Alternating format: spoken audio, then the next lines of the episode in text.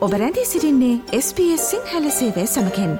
වැඩිතුර තොරතුර දැනැනීමට පිවිසන්න ps.com.ta/ Sinhala වෙපඩවයට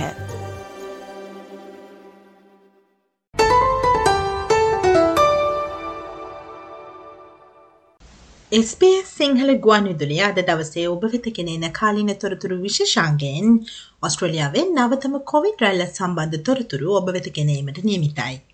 එහිදී එළඹෙන නත්තලට පෙර ඔස්ට්‍රලයානුවන්ට පත්වන කොවිඩ් මාත්‍රාව ලබා ගැනීමට හැකියාවක් පවතීද යන්න පිළිබඳවත් ඒ වගේම රටපුරා කොවිඩ් රෝගීන් මතුවීමත් සමගම ඔස්ට්‍රලියාවේ එන්නත් උපදේශන ආයතනය විසින් නව ඔමික්‍රෝන් ප්‍රබදය සඳහා වන විශේෂිත බූස්ට එන්නතක් අනුමත කිරීම සම්බන්ධව නවතම තොරතුරුත් ඔබ වෙත ගැනීමට අප සූදානම්.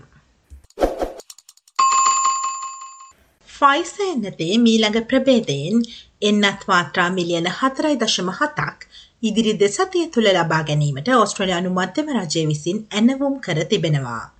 එම ෆයිස එන්නත වැඩි දියුණු කරන ලද මොඩෝනා පූස්ට එන්නත සමගින් දහටට වැඩි ඔස්ට්‍රලයානුවන් සඳහා තුන්වන සහ සිව්වන කොවිඩ් මාත්‍රා එනම් පළමු සහ දෙවන බූස්ට එන්නත් මාත්‍රා ලෙස භාවිතා කරනු ලබන අතර එය දෙසැම්බර් දොළොස් වනිදා සිට ක්‍රියාත්මක කෙරෙනු ඇති.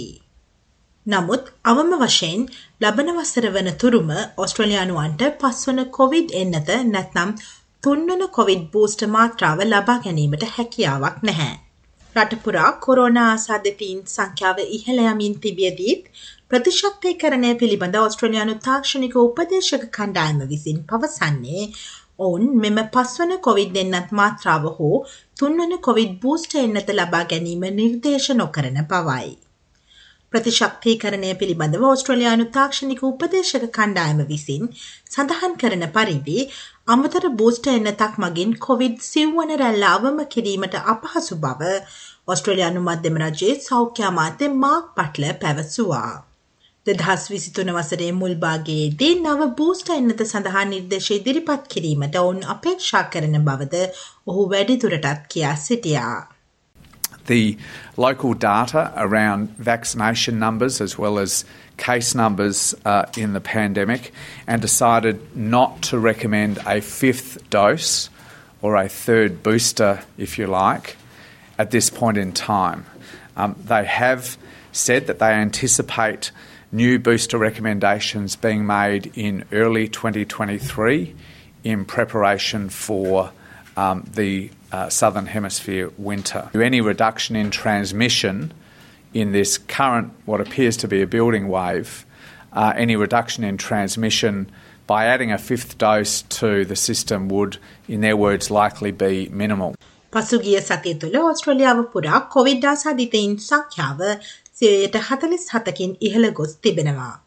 මධ්‍යම රජයේ ප්‍රධාන වෛද්‍ය නිලධාරී පෝල් කෙලි පවසන්නේ නව කොවිඩ් රැල්ලෙන් පසුව බූස්ට මාත්‍රාව ලබා ගන්නා පුද්ගලින්ගේ සංඛ්‍යාවේ සුළු වැඩිවීමක් සිදුව ඇති බවයි. මෙම නව කොවිඩ් රැල්ල පසුගිය සති කිහිපය තුළ ඉහළ යමින් පවතින බව පවසන ඔහු එය සිංගප්පුරුවේ මෑත ඇති වූ කොවිඩ් රැල්ලට සමානව කෙටි හා තියුණු ලෙස ආසාධිතීන් සංඛ්‍යාව ඉක්මනින් ඉහළ ගොස් ඉක්මනින් පහත වැටිය යුතුයයි අපේක්ෂා කරනවා. කොවිඩ් රෝගීන් රෝහල් ගතවීම් වැඩිවෙමින් පවතින නමුත් එය විශාල වැඩිවීමක් නොවන බවත් ඉදිරි සතිවලදී කුමක් සිදුවේදැයි ඔවුන් නිරීක්ෂණය කරමින් සිටින බවත් පෝල් කෙලි වැඩිතුරටත් කියා සිටියා. Um, this wave has been going up for the last few weeks. Uh, I, if, if it ends up being similar to Singapore, and I believe it will, um, then it should uh, peak soon and drop quickly. Uh, short and sharp is what I would say in terms of cases.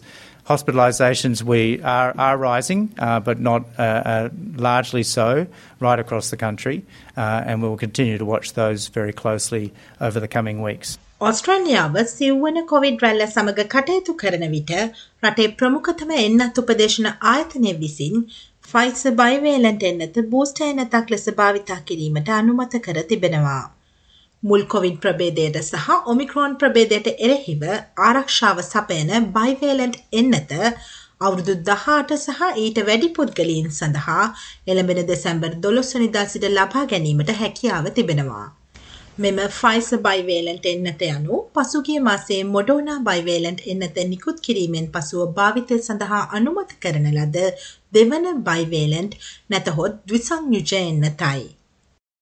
ප්‍රතිශක්තිකරණය පිළිබඳව ඔස්ට්‍රලයානු තාක්ෂණික උපදේශන කණ්ඩායම පවසන්නේ නව Pfizer එන්නත Covid වෛරසේ ප්‍රබේද දෙකටම එරෙහිව ප්‍රතිශක්තිකරන ප්‍රතිචාරය යම් දියුණුවක් ඇතිකිරීමට සමත් වූ බවයි. මධ්‍යම රජයේ සෞඛ්‍ය අමාත්‍ය මාක් බට්ල පවසන්නේ නව එන්නත් වැඩසටහන වැඩිවන කොවිඩ් ආසාධිතින් සංඛ්‍යාවට එරෙහිව සටන් කිරීමට තවත් මෙවලමක් වනු ඇති බවයි. තමාට නිර්දේශිත කොවිඩ් එන්නත් මාත්‍රා ලබා ගැනීම සහතික කරන ලෙසටද ඔහු ඔස්ට්‍රලයානුවන්ට සිහිපත් කරනු ලැබවා. දෙවන කොවිඩ් මාත්‍රාවෙන් ලැබෙන ආරක්ෂාව කාලයත් සමග අඩුවීමට පටන් ගන්නා බැවින් නියමිත පරිදි නිර්දේශිත බූස්ට මාත්‍රාවන් යාවත්කාලීනව ලබා ගත යුතු බවද ඔහු අවධාරණය කරනු ලැබවා. But across the, the general population, you know, we need to continue to get that message out that, that um, over time, the protection from your second dose uh, of the vaccine will start to wane. I mean, there's still good protection against severe disease and hospitalisation for the broad community, but you need to consider getting up to date.